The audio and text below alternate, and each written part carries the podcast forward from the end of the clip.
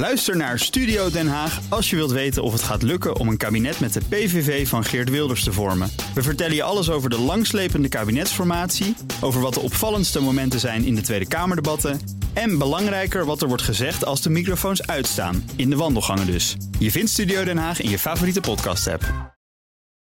Je kunt ons live of terugluisteren. Dat kan via de BNR-app. Daarin vind je bijvoorbeeld de tech-update. Download de BNR-app en blijf scherp. BNR Nieuwsradio. The Big Five. Art Rooijakkers. Het nieuwe jaar is van start gegaan. Dat is een mooi moment om terug te blikken op het toch vaak onrustige 2023. En vol frisse moet vooruit te blikken op 2024. Want wat kunnen we van dit nieuwe jaar verwachten? Daar ga ik deze week over in gesprek in de Big Five van 2024. Met vijf gasten die ja, allemaal op een eigen manier een bijzonder jaar achter de rug hebben. En ook nog vol plannen zitten voor dit verse jaar. Vandaag is dat Floor Rusman. Is een van mijn favoriete columnisten. Een stem van redelijkheid in ons medialandschap... dat vaak door zeker wetende roepers wordt gedomineerd.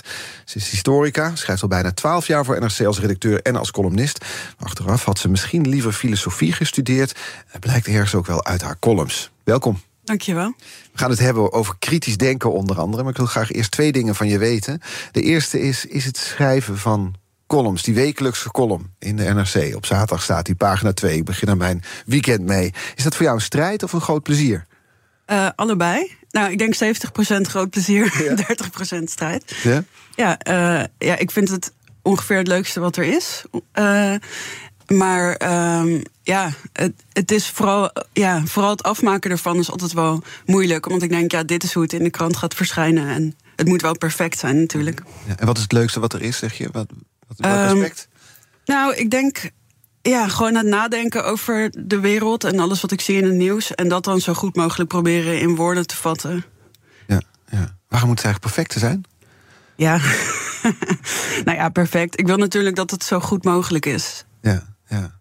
Nee, je kan zeggen, ik, zo zit ik daar. Misschien zitten we anders in elkaar. Je kan denken, het hoeft niet altijd een tien te zijn. Ja, dat zeggen mensen altijd. Maar ik vind wel dat het zoveel mogelijk. Uh, dat, het, dat het een zo hoog mogelijk ja. cijfer moet hebben. Ja. Heb je wel eens, dat is mijn tweede vraag. Want dat is dan zo'n beeld dat je hebt. Zo'n columnist of een, een, journalist die zit te tikken achter de laptop. Ziet een deadline naderen. Heb je wel eens stress gehad en paniek de deadline overschreden? Ik heb nooit de deadline overschreden, want nou ja, dat kan niet. Dan gaat de krant naar de drukker. Maar ik heb wel één keer gehad dat het echt uh, dat hij bijna naar de drukker ging. En dat, dat ik gewoon nog niet klaar was. En toen raakte ik wel echt totaal in paniek, inderdaad. Weet je het onderwerp nog? Ja, dat was een column over uh, de dood van Remco Kampert. Uh, en Remco Kampert stond natuurlijk bekend als een hele lichte dichter en schrijver. Mm -hmm. um, en, lichtvoetig, ja. Ja, lichtvoetig, ja. En dat was in een tijd juist dat er zoveel grimmig nieuws was over de oorlog in Oekraïne en zo. Um, en die column ging over de vraag: hoe kun je lichtheid behouden in een tijd dat er zoveel zwaarte is? En dat was een vraag waar ik zelf ook heel erg mee worstelde. Dus misschien vond ik het daarom ook zo moeilijk om die column af te maken. Omdat het persoonlijk werd? Ja. Wat was, weet, je, weet je je conclusie nog? Hoe je, hoe je dat kan behouden, lichtheid in donkere tijden? Daar hebben we nou, volgens mij was de laatste zin ongeveer letterlijk... ik ben er nog niet uit. Dus. Nog steeds niet dus? Nee. nee. 2023 was een uh, donker jaar voor veel mensen. Hoe, hoe, was dat voor jou? Was het licht, zwaar? Um, nou, um, om, om het meteen even persoonlijk te maken. Uh, aan het begin van het jaar had, had, ik nog een burn-out, of hoe je het ook noemt. Het is een beetje lastig wat een burn-out eigenlijk is. Het is een containerbegrip geworden, hè? Ja, het is een containerbegrip geworden. Ik had vooral veel last van uh, angst en spanning en ik kon een tijdje niet werken. Mm. En uh, vanaf juli ben ik weer columns gaan schrijven. Dus voor mij was het een jaar dat steeds lichter werd eigenlijk. Doordat je het, en zijn die columns dan in die zin die helpen om een jaar weer lichter te maken ook? Um, nou, dat is een goede vraag. Um, ik denk niet dat het door die columns uh, is gelukt om het jaar lichter te maken. Maar uh, het, het hielp wel ook om de focus weer meer bij mezelf weg te halen. Ja. Want als je uh, kampt met een psychisch probleem, ben je ontzettend veel met jezelf bezig. Mm -hmm. um, en dat kan ook wel een beetje beklemmend zijn. Dus ik vond het ook wel fijn om op een gegeven moment gewoon weer over de wereld te gaan schrijven. Ja. Het kan ook weer een soort houvast bieden ergens natuurlijk. Als je niet alleen op jezelf hoeft te focussen, maar, ja. maar ook op de wereld om je heen. Ja. Mijn, mijn beeld bij uh, columnisten, of bij zo'n columnist zoals, zoals, jij bent, is dat je, je ziet de werkelijkheid, je ziet de wereld en probeert daar grip op te krijgen door de woorden die je eraan wijdt. Ja. En vandaar dat ik dan dacht, misschien helpt het je om die lichtheid weer te, te vinden. Oh ja. Ja. Um, nou, eerlijk gezegd denk ik dat ik die lichtheid vooral weer een beetje heb gevonden met dank aan citalopram. Ja. antidepressivum. Een antidepressivum. Ja. Um, dat heeft je geholpen? Ja, dat denk ik wel. Maar ja, je weet natuurlijk uiteindelijk nooit wat je precies geholpen heeft. ik heb eh, zelf uh, stemproblemen gehad, heb echt alles aangegrepen. Van uh, wat is het, acupunctuur tot haptonomie tot weet ik wat. Ja, wat, wat biedt uiteindelijk de oplossing? Ja, nee, dat is heel erg interessant inderdaad. Ik heb trouwens ook eerder, nou we hoeven niet over mijn hele ziektegeschiedenis te hebben... maar ik heb eerder RSI gehad en daar ben ik ook uitgekomen. Maar ik heb geen idee wat geholpen heeft. Misschien was het dat ik een nieuwe fiets kreeg. Misschien was het dat ik uh, in revalidatietherapie ging. Nou ja, en uiteindelijk heb ik er echt niks zinnigs over te zeggen. Dus dat is wel heel uh, teleurstellend. Het is in ieder geval heel fijn dat je er weer bent sinds, sinds juni. Wat betekent een, een wekelijkse terugkeer van die, van die column die je schrijft. Soms, soms word je heel even vervangen. Maar uh, dat jaar dan, 2023, als we daar eens naar gaan kijken. Dus eigenlijk wat er in de wereld gebeurde. We begonnen met inflatie, daar hadden we het allemaal over. De oorlog in Oekraïne. Toen was er nog lang geen oorlog in Israël, maar daar eindigde wel mee. Uh, er gebeurde van alles wat donker is. Maar er gebeurden ook mooie dingen. Corona was geen dreiging meer. Er werden ja. vinylplaten verkocht, meer dan de CD bijvoorbeeld. Vond ik toch ook wel weer vrolijk vrolijk nieuws.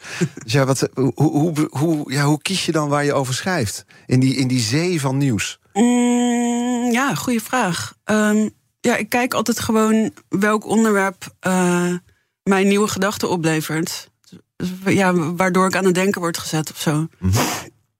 Soms denk ik ook wel, ja, nu moet ik echt wel weer een keer over wat lichters gaan schrijven of zo. Als ik een paar weken achter elkaar over politiek heb geschreven en me boos heb gemaakt over dingen. Maar ik merk wel dat het nu in deze tijd, vooral ja, de laatste maanden, dat ik het lastig vind om over dat soort. Om, ja, om zo'n licht onderwerp te kiezen. Omdat het misschien niet passend is, Ja, ja. ja. Een, een, mooi voorbeeld vind ik dan van licht en zwaar is jouw column over SUV's. Die, die auto's waarin iedereen tegenwoordig rijdt. Een soort terreinwagens, maar dan voor in de stad, zou ik maar noemen. En, en botox. Uh, ja. Als ik hem heel kort samenvat, die column, schreef je erin eigenlijk dat we willen allemaal wel iets goeds doen voor de wereld. Uh, maar we kopen tegelijkertijd zo'n SUV omdat je niet weet of de rest meedoet. Ja. Uh, dus ja ik vond het een heel mooi voorbeeld van onze, nou, onze doelstelling aan de ene kant en ook onze opportunisme aan de andere kant. Is dat, moet ik dat zien hoe je licht en zwaar ja, probeert te verbinden? Ja, misschien wel, ja. Ik, de, ik vond dat zelf wel een vrolijke column, omdat het, uh, het ging over een onderwerp waar ik het met vrienden wel over heb, namelijk botox. En wat vinden we daarvan? Mm -hmm. Want heel erg, ja, vooral heel veel vrouwen, maar ook best veel mannen doen dat tegenwoordig. Mm -hmm. um, Jij maar, ook of niet? Nee. Ja? nee.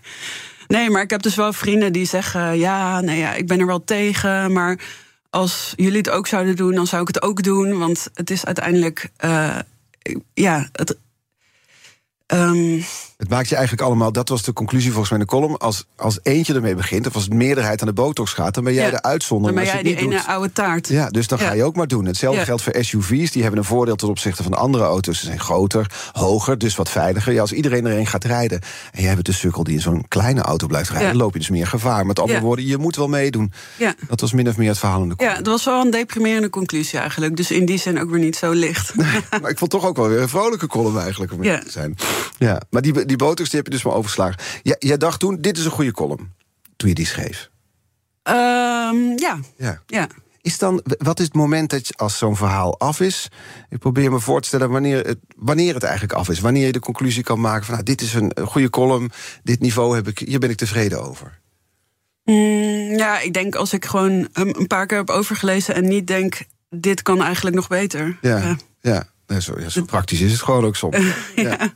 Is er eigenlijk in die, wat is nu twaalf jaar volgens mij, de. NRC zit, is er een column geweest of een artikel waarvan je nu in deze studio, het mag, je hebt de microfoon voor je, misschien wel publiekelijk afstand van wil doen? Zijn er uh, verhalen waarvan je terugdenkt en denkt, dat zou ik nu anders schrijven? Ben je anders gaan schrijven? Oh, ja, wat een goede vraag. Uh, het is al de derde keer dat ik zeg dat het een goede vraag. Ja, ik vind, dank voor de complimenten.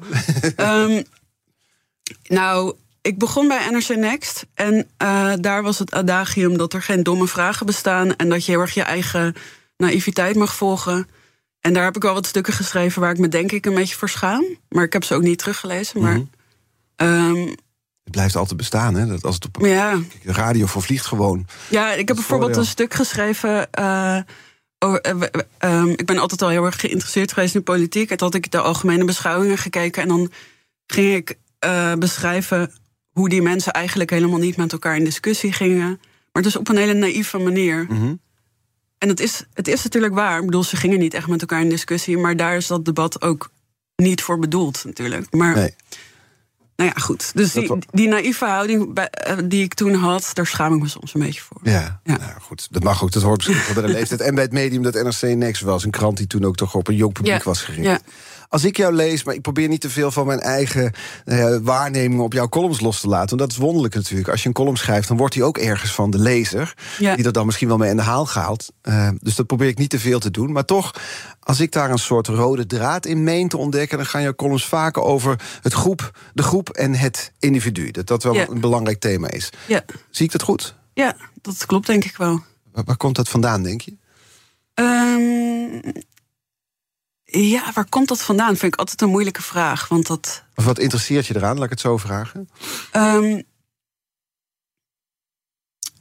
ja, Is dat iets wat je van je ouders bijvoorbeeld hebt meegekregen? Dat je, ben, je, ben je zelf...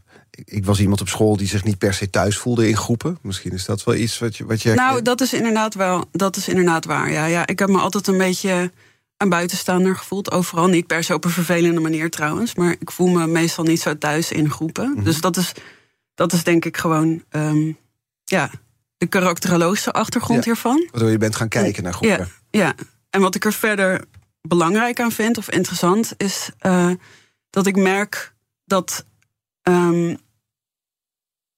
als mensen zich heel erg identificeren met een groep of over anderen oordelen als een groep, dat ze dan op een, eh, ja, op een soort van automatische manier gaan denken. Mhm. Dus niet meer zelf nadenken, maar andere mensen napraten. Ja. Eh, of de standpunten verkondigen die bij die groep horen. Ja. Het is ook makkelijk als je iets als een groep wegzet. Of het nou, weet ik het, eh, de, de, de boerenprotesten zijn. Je kan naar die groep kijken, of de linkse elite. En dan staat het ook tegenover elkaar. Maakt het meteen heel overzichtelijk, het wereld. maakt het heel overzichtelijk en eh, het is totaal geen, geen, geen goede representatie van de werkelijkheid. En ik heb het idee dat dat steeds meer gebeurt eigenlijk. En daar De Big probeer ik me tegen te verzetten. Art Rojakkers. Eh, vandaag de gast Floor Rusman, redacteur en columnist bij NRC. Ze zei nog dat ze zich tegen die versimpeling probeerde te verzetten. Ehm, je bent historica van, van huis uit, hè? Ja. Is het eigenlijk een leuke studie, geschiedenis? Eh, het is best een leuke studie. Eh, ik vond sommige dingen ook een beetje saai. Maar ehm, ja, ik heb ook wel veel vakken gedaan met politicologie. En dat vond ik wel een leuke aanvulling. Want eh, ja, dat is wat meer theoretisch. Ja, dus dat past er beter bij. Je, je Ja. ging snel naar rechtse denkers kijken Ja, eh, tijdens je studie. Je vond conservatisme eh, interessant. ja. Wa- waar- waarom? Ehm, nou, ik denk omdat ik zelf uit een best linkse omgeving kom. En gewoon ehm, benieuwd was naar, wat, naar, naar de andere kant eigenlijk. Mhm. Ja. En, en daar, daar eh, eh, de- want het was ook de tijd van neoliberalisme toen je aan het studeren was, volgens mij, toch of niet? Ehm, ja, dat zou je wel kunnen zeggen. Of nou ja, neoliberalisme is natuurlijk al Ja, zo lang gaande best, bedoel best je. oud. Maar ehm, dat was nog op zich nog wel in volle gang toen ik studeerde. En, eh, want ik begon in 2004. Ja. Dus, en de financiële crisis was in 2008. En in reactie daarop had je eh die partybeweging in de Verenigde Staten bijvoorbeeld. Dus ehm, En dat waaide hier naar Nederland over. Je kreeg de Edmund, wat was het? De Edmund Burke Stichting volgens mij in Amsterdam. ja, nou ja, dat is wel een beetje iets anders. Want dat, eh, eh, die Tea Party beweging en dat neoliberalisme en dat eh, extreme kapitalisme van Ayn Rand, de denker waar ik op ben afgestudeerd, is wel wat anders dan het conservatisme dat zich mi- minder met economie bezighoudt en meer met waarde en gemeenschap. en Zo. Ja. Die Ayn Rand, daar ben je op afgestudeerd. Dus Ja. Ik omschrijf hem maar mijn eigen woorden als oergodin van het Amerikaans conservatisme. Ik zat nog een podcast terug te luisteren waarin jij sprak samen met de andere NRC-redacteuren over het boek. Eh, een belangrijk boek dat ze heeft geschreven van maar liefst 1100 pagina's waar niet doorheen ge- te komen is, begreep ik zo'n beetje. Was jullie conclusie? Eh, ja, nou ja, het is zowel meeslepend als repetitief en saai. Dat is best wel bijzonder natuurlijk Ja, aan een boek. het ook Ja. weer, het boek? Atlas Shrugged. Ja, en daarin beschrijft ze eigenlijk ja, een, een wereld, een betere wereld, maar met een vrij harde filosofie. Eigenlijk zijn daar de, de, de kapitalisten in Amerika, dat is min of meer het beloofde volk. Je moet voor jezelf opkomen, je Ja. moet een self-made man zijn. Ja, ja. ja, en ik zou dat dus niet conservatisme noemen. eh, want dat, het, eh, zij was juist bijvoorbeeld heel erg anti-religieus en heel erg anti-gemeenschap. Dus zij stond voor een extreem doorgevoerd individualisme. Mhm. Dus eigenlijk helemaal niet meer wat nu hip is. Nee, nee totaal niet. En jij ging dat vrijwillig, ging je daar dus je studie aan wijden, sinds ja. het afstuderen. Van, van, waarom eigenlijk? Um, nou ja, ik was dus altijd geïnteresseerd in rechtse denkers. En um, ik volgde een tutorial. Ja, uh, hoe heet het? Tutorial, leg ik uit wat dat is. Ik, uh, een vak bij Jos de Beus, een hoogleraar politicologie, die, uh, die ik heel erg interessant vond over utopisme. Um, en toen kwam ik op een boek van Hans Achterhuis, de filosoof, over de. de kapitalistische utopie van Ayn Rand. Mhm. En toen dacht ik, wat interessant, dit klinkt heel bijzonder, maar ik had er nog nooit van gehoord. Want ze is in Nederland gewoon helemaal niet bekend. Nee, terwijl ze in Amerika wordt ze veel aangehaald, ook door politici. Ja, ja. Het boek is echt belangrijk. Nou, hoeveel exemplaren waren ervan verkocht? Ja, dat weet ik niet meer uit mijn hoofd. Maar het is in elk geval in Amerika het meest gelezen boek na de Bijbel. Dus nou ja, niet dat zegt wel iets. Nee.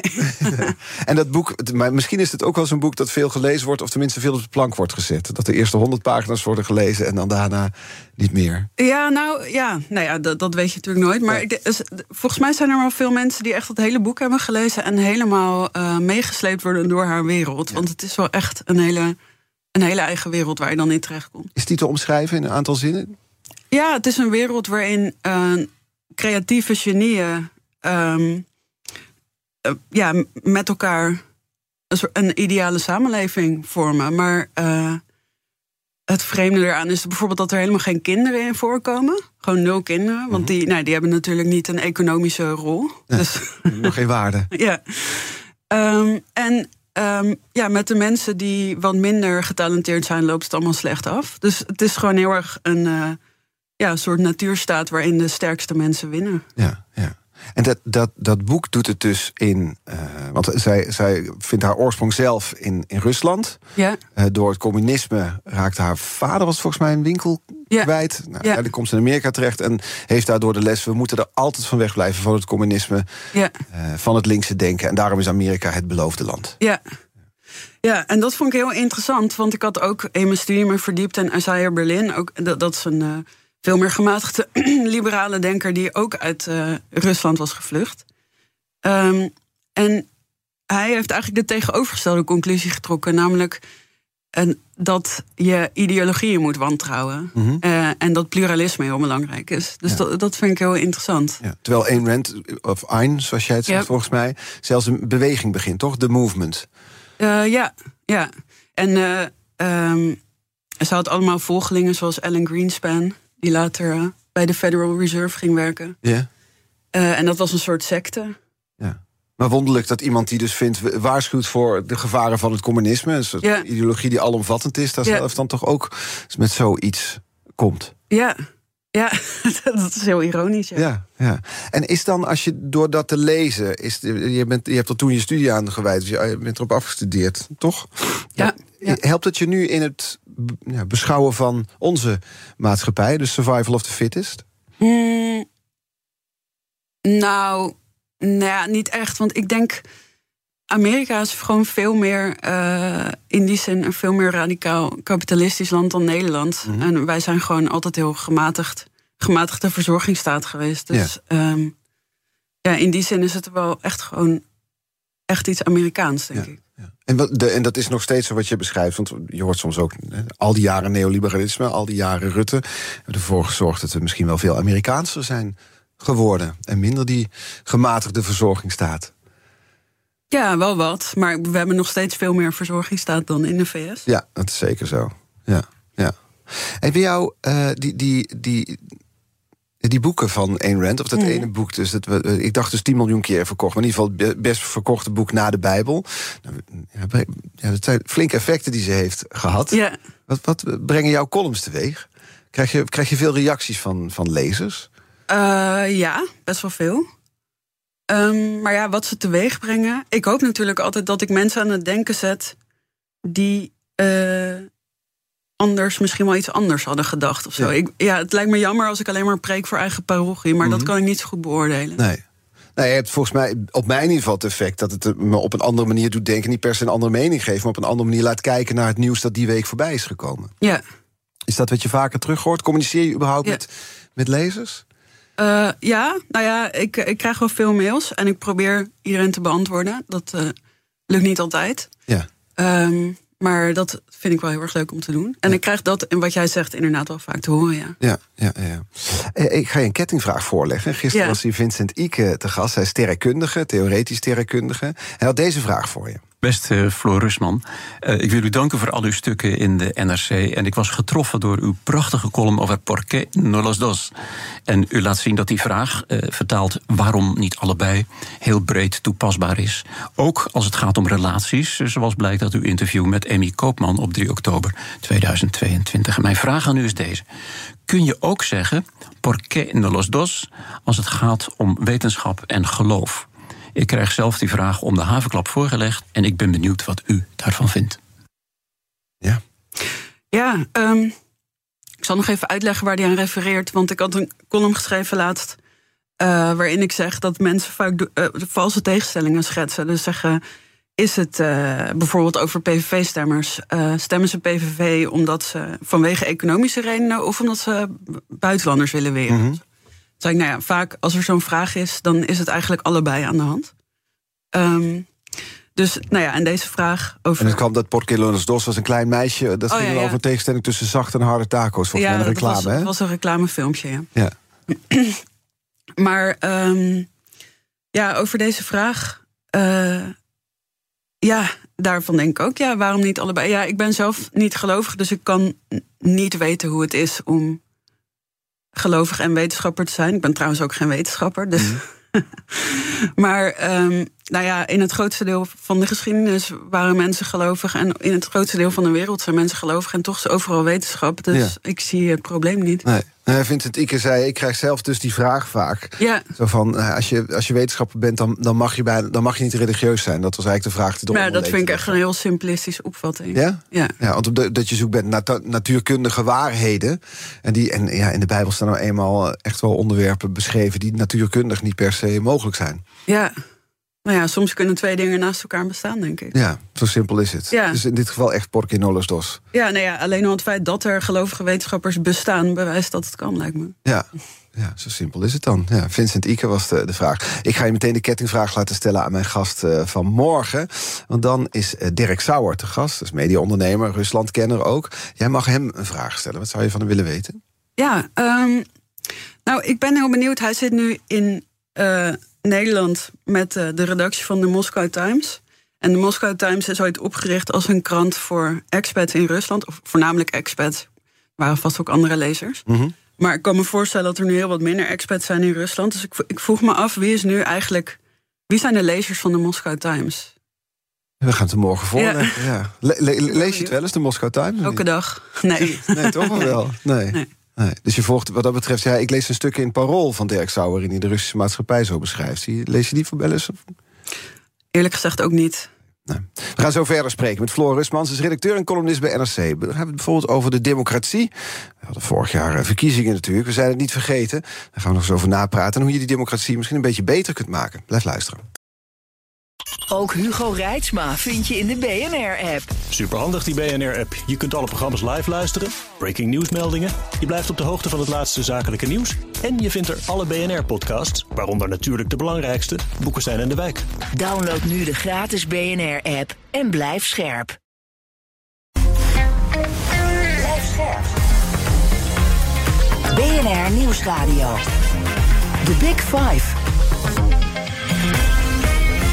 Art Rooijakkers. Welkom bij het tweede halfuur deze week en ook volgende week. Tien kopstukken die Diana Matroos, volgende week mijn collega... en ik deze week uitkozen om te praten over het vorige en ook over dit jaar. Morgen dan praat ik nog met uh, media-ondernemer Dirk Sauer... over de toekomst van Rusland en Oekraïne. Vandaag de gast Floor Rusman. Ze heeft al een vraag gesteld aan Dirk Sauer die morgen voorbij komt. Ze is redacteur en columnist bij NRC. Elke zaterdag is ze daarin te lezen. Uh, komend half uur wil ik graag nog twee onderwerpen met je bespreken. De, de toekomst en de democratie. Ik begin er meteen mee te lachen, want het zo van die veel omvattende onderwerpen zijn. Heb je je column van zaterdag eigenlijk al helemaal af? Nee, nee, nee daar ben ik nog mee bezig. Ga je wel verklappen waar die over gaat? Nee, dat is een verrassing. Oh ja? maar het is altijd wel actueel, toch, of niet? Uh, ja. ja, dat vind ik wel belangrijk, ja. Want wat zijn de ingrediënten voor jou voor een goede column? Um, er moet, vind ik wel, er, er moet gewoon een nieuwe gedachte in staan. Mm maar misschien ben ik daar ook te streng in. Want soms denk ik, ja, uh, je kan ook een gedachte die je niet zelf hebt bedacht, um, goed opschrijven of zo. Ja, een gedachte van een ander bedoel je? Ja. ja. Dus dat moet erin staan. En ik heb het idee dat.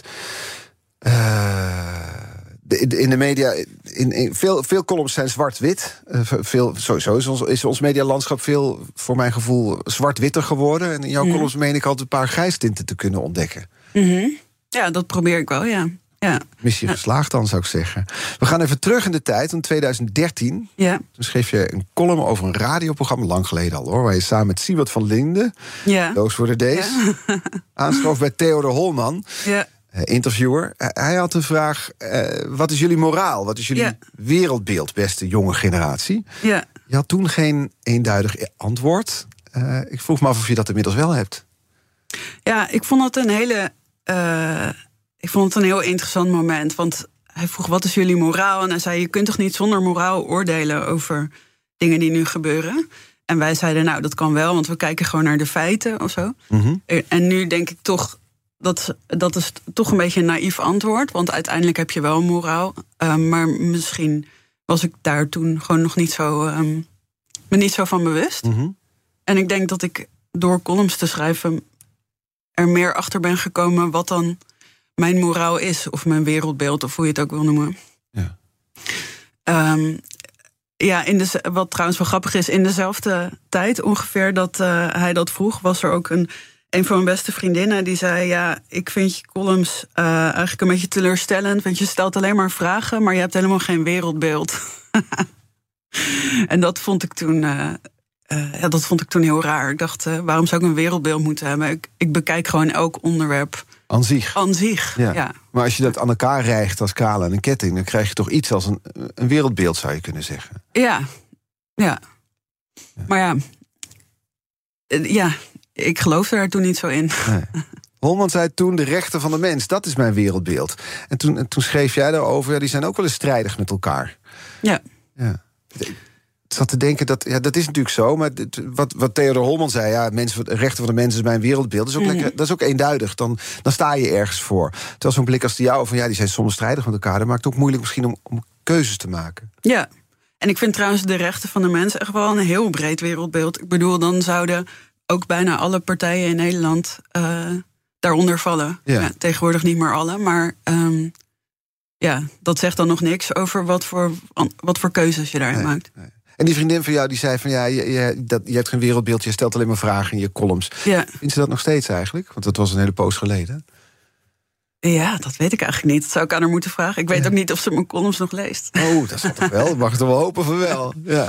Nou ja, ik eh, heb hier een, een hele poos geleden was Bas Haan hier eh, Ja. te gast. Toen hadden we het over journalistiek en over researchjournalistiek, onderzoeksjournalistiek ook. En hij kwam met een mooie term die hij muntte. Ik vond mooi gezegd. Hij staat voor vraagtekenjournalistiek in plaats van voor uitroeptekenjournalistiek. Ja, ja, ja. Hij zegt uitroeptekenjournalistiek neemt hand over hand toe. Uh, maar is niet alleen uh, uh, nou ja, iets wat misschien niet per se goed is, maar het is soms ook gevaarlijk. Want als je maar dingen roept die niet per se op feiten gebaseerd zijn, dat kan uiteindelijk zelfs, ik gaf een aantal voorbeelden, tot kamervragen leiden. Um, nou ja, en hij zegt, volgens mij moeten we als journalisten zijn we ervoor gemaakt om juist vragen te stellen. Ja, dat ben ik helemaal met hem eens. Is dat ook zo als columnist? Vroeg ik me af. Nou, dat, ik vind niet dat alle columnisten hetzelfde zouden moeten doen. Het is heel goed dat er uitroepteken-columnisten zijn, denk ik. Um, ja, bijvoorbeeld, ik las altijd graag de columns van Rosanne Hertzberger. Mm -hmm. En ik was het uh, niet altijd met haar eens. Uh, maar zij is heel anders dan ik, want ja. zij is vaak heel geopineerd en uh, stelt best ja, stelt minder vragen, Ja. minder grijstinten. Maar dat vind ik ook leuk. Dus je- er moeten allemaal verschillende soorten columnisten zijn. En ik heb mijn eigen stijl. Ja, nou, dat is natuurlijk zo. Tegelijkertijd las ik bij de, de ombudsman van NRC. Die schreef uh, dat de columnisten van NRC allemaal, ik citeer nu, een lied van afschuw zongen na de verkiezingen. 26 columns waren geteld. En daar waren lezers niet allemaal uh, blij mee. De columns schreven ook, ombudsman schreef ook, ja, we hebben onze columnisten niet aan het touwtje hangen. Uh, dus ja, ze mogen allemaal schrijven wat ze willen. Ik zat te denken, dat, dat, dat, dat doet jou volgens mij dan ook iets. Als iedereen zo in koor ongeveer hetzelfde lijkt te vinden. Ja, dat vind dat. Nou ja. Kijk, enerzijds vind ik. Zou ik het leuk vinden als we bij NRC meer conservatieve rechtse columnisten hadden. Mhm. Gewoon voor diversiteit van meningen. Mhm. Aan de andere kant vind ik het niet raar dat 26 of wat is het, uh, columnisten allemaal protesten aantekenen tegen het feit dat Geert Wilders de rechtsstaat uh, onderuit wil halen eigenlijk. Mhm. Dus ja, dat vind ik een beetje een andere kwestie. Dat gaat niet meer over een politieke mening. Het gaat gewoon over dat iemand in mijn ogen de democratie bedreigt. Ja. Omdat hij nu die verkiezingen heeft gewonnen, bedoel je? Nou ja, uh, ja omdat hij allerlei uh, plannen heeft die indruisen tegen de rechtsstaat. Daar ging dat koor van verontwaardiging over. Ja, ja. Dat, volgens mij ging dat koor van verontwaardiging niet zozeer over de kiezers van Wilders. Want volgens mij uh, hebben columnisten ook allerlei moeite gedaan om te begrijpen wat hun beweegredenen zijn. Dat is natuurlijk iets anders. Maar het gaat over wat Wilders zelf zegt en doet. Ja, de ongrondwettelijke plannen die er in zijn verkiezingsprogramma staan. Waarvan ze nu dan in de ijskast ja. worden gezet. Ja. Ja. En da daar, daar gingen die columns over, zeg je. En dan is het niet zo gek dat iedereen het met elkaar eens is. Ja, ik zou het gek vinden als iemand zou zeggen van... nou, vind het eigenlijk wel verfrissend dat Wilders uh, uh, moskeeën wil verbieden of zo. Daar zou ik wel van schrikken als dat in mijn krant ja, Martin Bosma was ooit columnist bij NRC volgens mij, toch? Ja. ja dus Die, die, die zou dat zo kunnen schrijven, de, de, de man op de lijst van de PVV. Onze nieuwe Kamervoorzitter. Ja, je, je, gaat nu een beetje achterover hangen. Je kan je het toch niet helemaal voorstellen? Um, ik kan me niet voorstellen dat. Nou, sowieso kan ik me natuurlijk niet voorstellen dat hij nu een column in de NRC zou hebben. Nee. Um, nou goed, laat ik wel duidelijk maken. Ik vind dat alles geschreven moet kunnen worden. Dus ik vind ook dat, ik vind dat je als columnist ook moet kunnen schrijven dat je voor plannen bent die tegen de rechtsstaat ingaan. Mm -hmm. Maar ik vind het niet raar dat dat in dit geval dus niet is gebeurd. Ja. Zijn, welke columnisten lees jij zelf eigenlijk graag? Als je een, duiding wilt van wat er gebeurt, bijvoorbeeld in, in Nederland rondom die verkiezingen? Mm, ik lees heel graag Marijn Oudenamse in De Groene Amsterdammer. Mm Vind ik altijd goede, nuchtere analyses hebben. En hij doet er niet geheimzinnig over dat hij zelf links is. Maar uh, ik vind toch zijn analyses uh, heel. Ja, gewoon nuchter en zakelijk. Ja. Um, en uh, ja, even denken. Nou, ik was altijd heel erg fan van Maxime Februari. Dus ik vind het heel jammer dat hij niet meer voor NRC schrijft. Mm -hmm. En. Dus Nederlandse columnist, of heb je ook buitenlandse voorbeelden? Ja, zeker. Ik, ja? Uh, uh, nou, ik, le ik, lees heel graag um, Janan Ganesh in de Financial Times. Ja? Die ken ik niet. Dus ja, de eerste die... naam die je noemt die ik niet ken. Vertel. Ja. Nou, ik vind het leuk dat hij schrijft over politiek, maar ook hij, hij vermengt het een beetje met lifestyle. Dus het, gaat, het is eigenlijk een soort sociologie. Mm -hmm. Dus het gaat over bevolkingsgroepen en waarom die doen wat ze doen en kiezen wat ze kiezen. Uh, ik vind u meestal wel leuk om te lezen. Ja, ja. Um, en je hebt ook nog James Marriott, die schrijft in The Times. Ja. En die doet ook een beetje dat. Ja. En ook nog eens heel grappig. Dat vind ik ook. Uh, ik vind dat leuk. Het gebeurt meer in Britse media dat Ja. mensen grappig schrijven. Ja, nou, je, je hebt het zelf soms ook. En je zet zelf ook, want je zei net over je columnist van Groene Amsterdammer... die maakt, zich geen, maakt er geen geheim van links te zijn. Ik heb het gevoel bij jou, in jouw columns... dat je kritische noten zet bij links en rechts. Vooral ook bij het benoemen van al die groepen... waar we het net al over hadden. Dat je groepen tegenover elkaar zet. En dat je voor mijn gevoel geen politieke kleur eh, bekent. Ehm, ik zat te denken, betekent dat... we hadden het over vragen stellen en wereldbeeld... betekent dat ook dat je geen ideologie of wereldbeeld op dat vlak hebt? Uh, nee, dat betekent het niet. Ik heb natuurlijk ook mijn politieke voorkeuren, maar ik, pro, ik, ja, ik vind. Uh, uh, ik zou nooit in de krant schrijven wat ik stem of zo. Hm. En ik vind het ook. op de radio zeggen? ook niet. Ja? En ik vind het ook belangrijk om die voorkeuren ook te bevragen. Dus ja, daar kritisch op te blijven, ook bij mezelf. Bij BNR ben je altijd als eerste op de hoogte van het laatste nieuws. Luister dagelijks live via internet. Bas van Werven. En heel langzaam komt de zon op rond dit tijdstip. Je krijgt inzicht in de dag die komt op BNR, het Binnenhof in Nederland en de rest van de wereld. De Ochtendspits. Voor de beste start van je werkdag. Blijf scherp en mis niets. BNR Nieuwsradio. The Big Five. Art Rooijakkers. Je luistert naar BNR's Big Five van 2024. Eerder deze week sprak ik met Erik van Eerdenburg, de directeur van Lowlands. Ging over muziek, over zijn mooiste Lowlands-momenten, over de ticketprijzen. Het is allemaal terug te luisteren via onze eigen app en ook via de bekende podcastkanalen.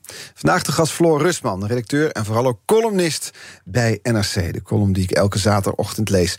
Um, vorig jaar hadden we die, die verkiezingen. Daar zijn we nog allemaal steeds een beetje ja, proberen we in kaart te brengen van wat het nou allemaal, wat er is gebeurd en wat voor kabinet we gaan krijgen.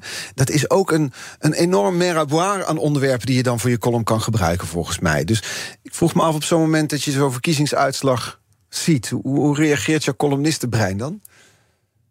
Ja, ik, eh, ik dacht meteen, oh, dit wordt echt heel interessant. Dus uh, ja, in die zin is het dan ook iets iets leuks. Ja. ja. Omdat er genoeg onderwerpen te beschrijven zijn. Ja. Wat, wat, wat ging er, wat was het wat, waardoor je zei: dit gaat heel interessant worden? Nou ja, uh, tot vlak voor de verkiezingen dachten we allemaal, of uh, ik kan niet voor iedereen spreken, maar de, de, de analyse was overal: het midden is terug. Omdat uh, Pieter Omtzigt NSC werd dan toch gezien als een soort nieuw CDA. Um, dus die analyse lag eigenlijk al klaar om na de verkiezingen te worden opgeschreven. En dat werd ineens helemaal op zijn kop gezet dat is super interessant, vind ik. Ja. En dat is dan omdat nu dus de PVV nou, wel met afstand de grootste is. Terwijl, stel dat Pieter Omzicht de grootste was geweest... dan hadden we het allemaal nu over het politieke midden... en de revival van het politieke midden Dat denk ik, ja. ja. ja, ja. En uh, we hadden eerder, ik zei, noemde net Erik van Eerdenburg, de gast hier, die zich grote zorgen maakt over de verkiezingsuitslag. Die zei: Ik woon in Amsterdam Noord. Je, je, hoort mensen daar nu zeggen: Ja, nu kunnen we het eindelijk eens allemaal zeggen, want we, zijn de grootste. Dus je, er is minder remmen op allerlei uitspraken, xenofobe uitspraken, gaf hij als voorbeeld. Ja. Dat, dat effect, uh, is dat iets waar jij als columnist dan ja, iets, iets uithaalt waarvan je denkt: daar moet ik mee aan de slag, daar wil ik mee aan de slag? Ja, ja, absoluut. Um, ja, ik, ik zie zo tien columns voor me die ik daar dan over kan schrijven. Maar het is dan vervolgens. Het is moeilijk om dan een, een, een focus te kiezen. Hoe bedoel je dat? Um, ja. De onderwerpen liggen er wel, maar de vorm is er niet. Uh, nou ja, ik heb er gewoon heel veel losse gedachten over. Maar zo'n column is 700 woorden, dat is best wel veel. Mm -hmm. Dus dat, dat is niet één gedachte. Je moet dan echt. Uh, uh, ja. Ja, je moet kiezen welke, um, welke, welke gedachte je echt grondig gaat uitwerken dan mm -hmm. die week. Ja. Hoe doe je dat eigenlijk dan? Ga je wandelen? En zie je het dan in één keer voor je? Zie je visueel de tekst verschijnen? Of ga je, is het gewoon noeste arbeid en achter een laptop gaan zitten en beginnen met tikken en kijken waar je uitkomt? Nou, um, gisteren uh, overleed Mark Chavan. Dat was mijn collega bij NRC en mijn mentor. En hij zei ooit tegen me uh, over hoe hij te werk ging... dat hij beukennootjes naar zijn hol sleepte. Dat wilde zeggen dat hij gewoon heel erg veel verschillende dingen las... die verzamelde en daar dan later weer iets mee kon. En dat vond ik echt een leuke uitspraak. Want dat is ook hoe ik het doe. Gewoon heel erg veel lezen, uh, ideetjes opschrijven. En dan op een gegeven moment vormt zich een... Uh, een idee. En inderdaad, vaak als ik. Uh, dan, nou ja, weet ik veel. Als ik in de rij sta voor de kassa of als ik onder de douche sta of zo. Ja. ja. ja. En, dan, dan, en, en dan is het zo, dan moet op een gegeven moment het omslagpunt komen dat het ook in woorden gevangen wordt. Achter, ja. een, achter, een, achter een laptop. Ja. Heb je, begin je met die ene zin waarvan je weet die hoort erin, of begin je gewoon bij het begin? Ik begin meestal gewoon bij het begin. Meestal dan valt me wel iets in en dan begin, schrijf ik gewoon vanaf daar verder. Ja. ja. En heb je, is het eerder zo per week dat je de woorden dat je moet schrappen om bij die 700 woorden uit te komen? Of moet je soms dat je denkt, nou nog één, één alinea, waar haal ik hem nu vandaan? Uh, nee, ik denk dat ik mezelf nu al heb getraind om, om het precies in 700 woorden te zeggen. Oh ja? Ja, uh, ik had vroeger een column die 350 woorden was. Dus Ja. dat, dat is een heel ander genre eigenlijk. Mhm. Dat is meer de korte Toen kon baan. ik dat heel goed. Ja, ja, ja. ja. Van die radiopresentatoren, hoor ik niet bij. Die kunnen dan tot op de seconde nauwkeurig precies een promo bijvoorbeeld inspreken. Maar jij kan tot op de, het woord nauwkeurig ongeveer een column van 700 woorden schrijven. Ja. Je weet gewoon, je hoeft eigenlijk niet meer de, de woordteller aan te zetten. Nee, nee, nee. Krijg je ooit feedback vanuit de uh, eindredactie? Zeggen, dit gaan we niet zo doen? Nee. Nee, nooit. Maar ja, ik zeg ook niet hele gewaagde dingen. Hè? Ik bedoel, Nee. ja, ik zeg nooit laten we moskeeën verbieden. Dus Nee. nee. Hoe lang wil je doorgaan als columnist?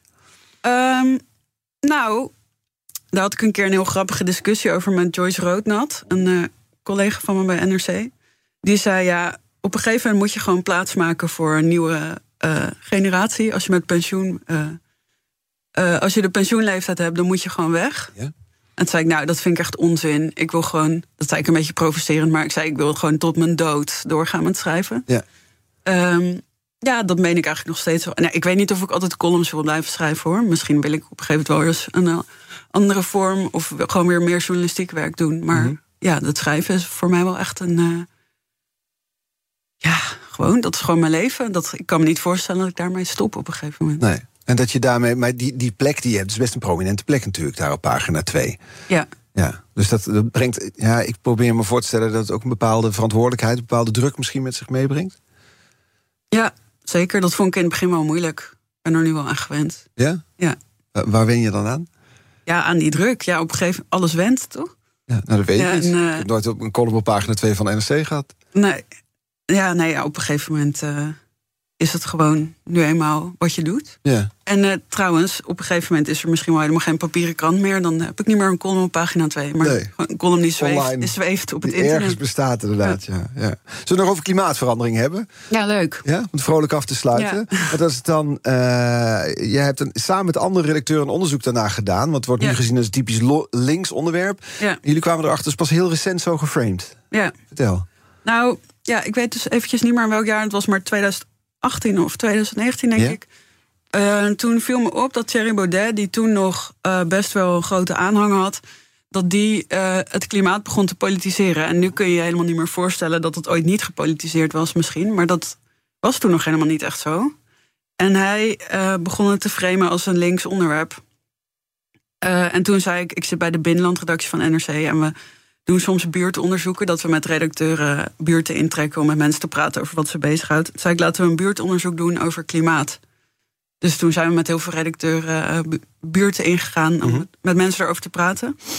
En toen uh, bleek dat het mensen niet zo heel erg bezig hield. Of dat ze zich er wel een beetje zorgen over maakten. Maar het was gewoon. Uh, ja, het brandde echt op niemands lippen, zeg maar. En mensen noemden het ook helemaal niet een links onderwerp. Of nee. zo. En dat is nu gewoon echt anders. Ja. Echt in een paar jaar is dat veranderd. En is dat aantoonbaar daar begonnen met Thierry Baudet, denk je? Rijkt die invloed zover? Nou, um, ik denk dat als hij het niet had gedaan, had iemand anders het wel gedaan. Ja. Uh, ik bedoel, ja. Op een gegeven moment had Klaas Dijkhoff het ook over klimaatdrammers. Mm -hmm. uh, als hij het over D66 had en zo. Maar had Rob Jetten zelfs een t-shirt aan waarop stond klimaatdrammers. Ja, precies. Dat heeft hij daarna als geusnaam geadopteerd. Ja. Dus, uh, en het is natuurlijk over, over de hele wereld zie je dat uh, rechts het probeert te framen als een linkse hobby. Ja. Dus ja, ik denk niet dat, dat Thierry's rol in die zin zo groot is. Het ook weer niet overschatten. Nee. Interessant natuurlijk is, want de klimaatverandering is dan een onderwerp. Ook een dankbaar onderwerp voor jou, kan ik me voorstellen. Omdat waar we het eerder dit uur over hadden, toen we het over botox en SUV's hadden. Het gaat over Ja. de tegenstelling tussen de groep en het individu. Ja. Je moet zelf iets opgeven om nou ja, voor ons als mensheid, als groep, iets te bereiken. Ja, maar en ik vind helemaal niet trouwens dat uh, de verantwoordelijkheid in de eerste plaats ligt bij de consument, maar ook echt bij overheden en bedrijven. Mm -hmm. Ja. Dat is natuurlijk zo, maar het is, die, die tegenstelling zie je volgens mij ook. Natuurlijk is het zo, dat bedrijfsleven zal, zal dingen moeten veranderen... en de overheden ook, maar we kunnen met ons eigen gedrag ook wat aanpassen. Ja. Ja. Ja, nou, punt. Oké. Okay. uh, is dat dan... Um, nou ja, ik, zit erover, ik zat erover na te denken, omdat ik dacht... probeer nu mooi het uur rond te maken. We hebben nog een paar minuten namelijk. En ik dacht, ik zie hier eigenlijk een beetje het thema in van jouw columns. Namelijk die tegenstelling tussen individu en groep. Maar eigenlijk zeg je, bij dit onderwerp ligt het anders. Um, nou... Ja... Ik, ik weet niet of je die tegenstelling hier zo erg in ziet. Ja. Maar waar, waar ik me druk over maak bij dit onderwerp... is dat... Uh, iets wat eigenlijk in het algemeen belang zou moeten zijn. Namelijk dat uh, we op de aarde kunnen blijven leven met, Ja. met, met de mensen. Um, dat dat wordt geframed als een linkse hobby. Terwijl ik denk, als iets niet een linkse hobby is. Ik bedoel, een hobby klinkt als een leuk extraatje. Ja. Maar ik bedoel, dit is van existentieel belang. Dus um, dat. Maar ja, hoe, hoe draai je dat frame terug? Ja, ik heb geen idee. Uh, nee, maar. Daar hebben we columnisten voor nodig Ja. misschien. Ja. Is dit dan, eh, dat was ik eigenlijk ook benieuwd naar... is er eigenlijk een column die jij nooit hebt durven schrijven? Heb je er één zo in een hoekje van je laptop bewaard... waarvan je dacht, dat is misschien wel een onderwerp, maar uiteindelijk toch maar gearchiveerd? Um, nee, volgens mij niet. Met de vrijheid dat je alles hebt kunnen schrijven wat je wilde. Ja, maar ja, niet op durven schrijven omdat ik bang was voor. Uh, wat bedoel je? Voor, nou, voor dat hij niet goed genoeg is, bang voor de reacties, bang voor het onderwerp. Er zijn natuurlijk, iedereen loopt met gedachten in zijn hoofd rond die je niet per se met iedereen wil delen. Laat staan dat je hem wil in de krant wil zetten. Ja. Soms voel je dan misschien de neiging wel om het op te schrijven. Ah ja. Nee, ik heb heus wel gedachten die ik niet met iedereen wil delen. Maar dat zijn dan ook gedachten die ik niet zo erg de moeite waard vind dat ze moeten worden dat in de krant hoeven te staan. Nee, nee, nee. Hoe vond je dit uur? Um, grappige vraag. Uh, ik, ja, ik vind het heel leuk. Ik zou nog uren kunnen doorpraten, maar ja. Uh, ja helaas. Als dat zo'n tegenstelling is met wat je in de krant doet, hè, dan kun je perfect ja. componeren en over elk woord nadenken. En hier is het een, een woordenbrei. Die ja, nee, dat is verschrikkelijk. Ik, er zijn nog allemaal dingen die ik had willen zeggen, die ik nu niet heb gezegd. Dus da, daar ga ik dan heel erg veel spijt van hebben. Is er nog iets en, wat nu uh, voor aan in je hoofd zit van je zegt, want we hebben nog anderhalf minuut, kun je het nu nog kwijt? Of zijn er dingen die je wil terugnemen? Mag ook nog, we hebben nog even. He, dan zie je dit als de eindredactieronde, zoals bij de column, maar dan uh, van een live interview. Ja. Nee, wat ik nog wel. Uh, ja, god, hoe ga ik dit nu in anderhalf minuut doen? Waar ik me heel erg veel zorgen maak, over maak, is de polarisatie in Nederland. En um, ik, ik heb zelf al eens geschreven dat het wel meevalt met die polarisatie, omdat we niet zo duidelijk twee kampen hebben, zoals in Amerika. Mhm. Maar ik heb het idee dat we wel meer die kant op gaan. En wat je daar als individu tegen zou kunnen doen, denk ik, is gewoon niet um, kritiekloos ideeën overnemen van de mensen om je heen waar je het mee eens bent. Maar daar tegenin blijven denken. Ja. En je verplaatsen in de andere kant. En die ook echt als mens blijven zien. Uh, ja, daar probeer ik ook toe op te roepen in mijn columns. Ik weet niet of dat zin heeft. Maar um, dit is voor mij wel een belangrijk thema. Het is een mooie oproep om het uur mee af te sluiten. Dank voor de komst en uh, uh, nou ja, de inzichten van vanochtend. Floor Rusman, columnist bij uh, NRC. Um, onze aflevering zijn terug te luisteren als podcast. Kun je doen via onze eigen app of ook via je favoriete podcastkanaal. Dan hoef je geen aflevering te missen. Dus ook afleveringen van eerder deze week bijvoorbeeld. Erik van Eerdenburg, ik noem hem al. Vincent Ike, Jonas Kooijman van Havenmelkelieten. Dus kwamen al voorbij. Morgen is Dirk Sauer te gast. Mediaondernemer, Ruslandkenner. Gaan met hem spreken over Rusland en Oekraïne natuurlijk. En nu op deze zender Thomas van Zijl, BNR Zaken doen. Wij zijn er morgen weer. Tot dan. Dit jaar bestaat de ook Bas van Werven vind je in de BNR-app. Ja, je kunt live naar mij en Iwan luisteren tijdens de ochtendspits. Je krijgt een melding van Breaking News. En niet alleen onze podcast Ochtendnieuws, maar alle BNR-podcasts vind je in de app. Download nu de gratis BNR-app en blijf scherp.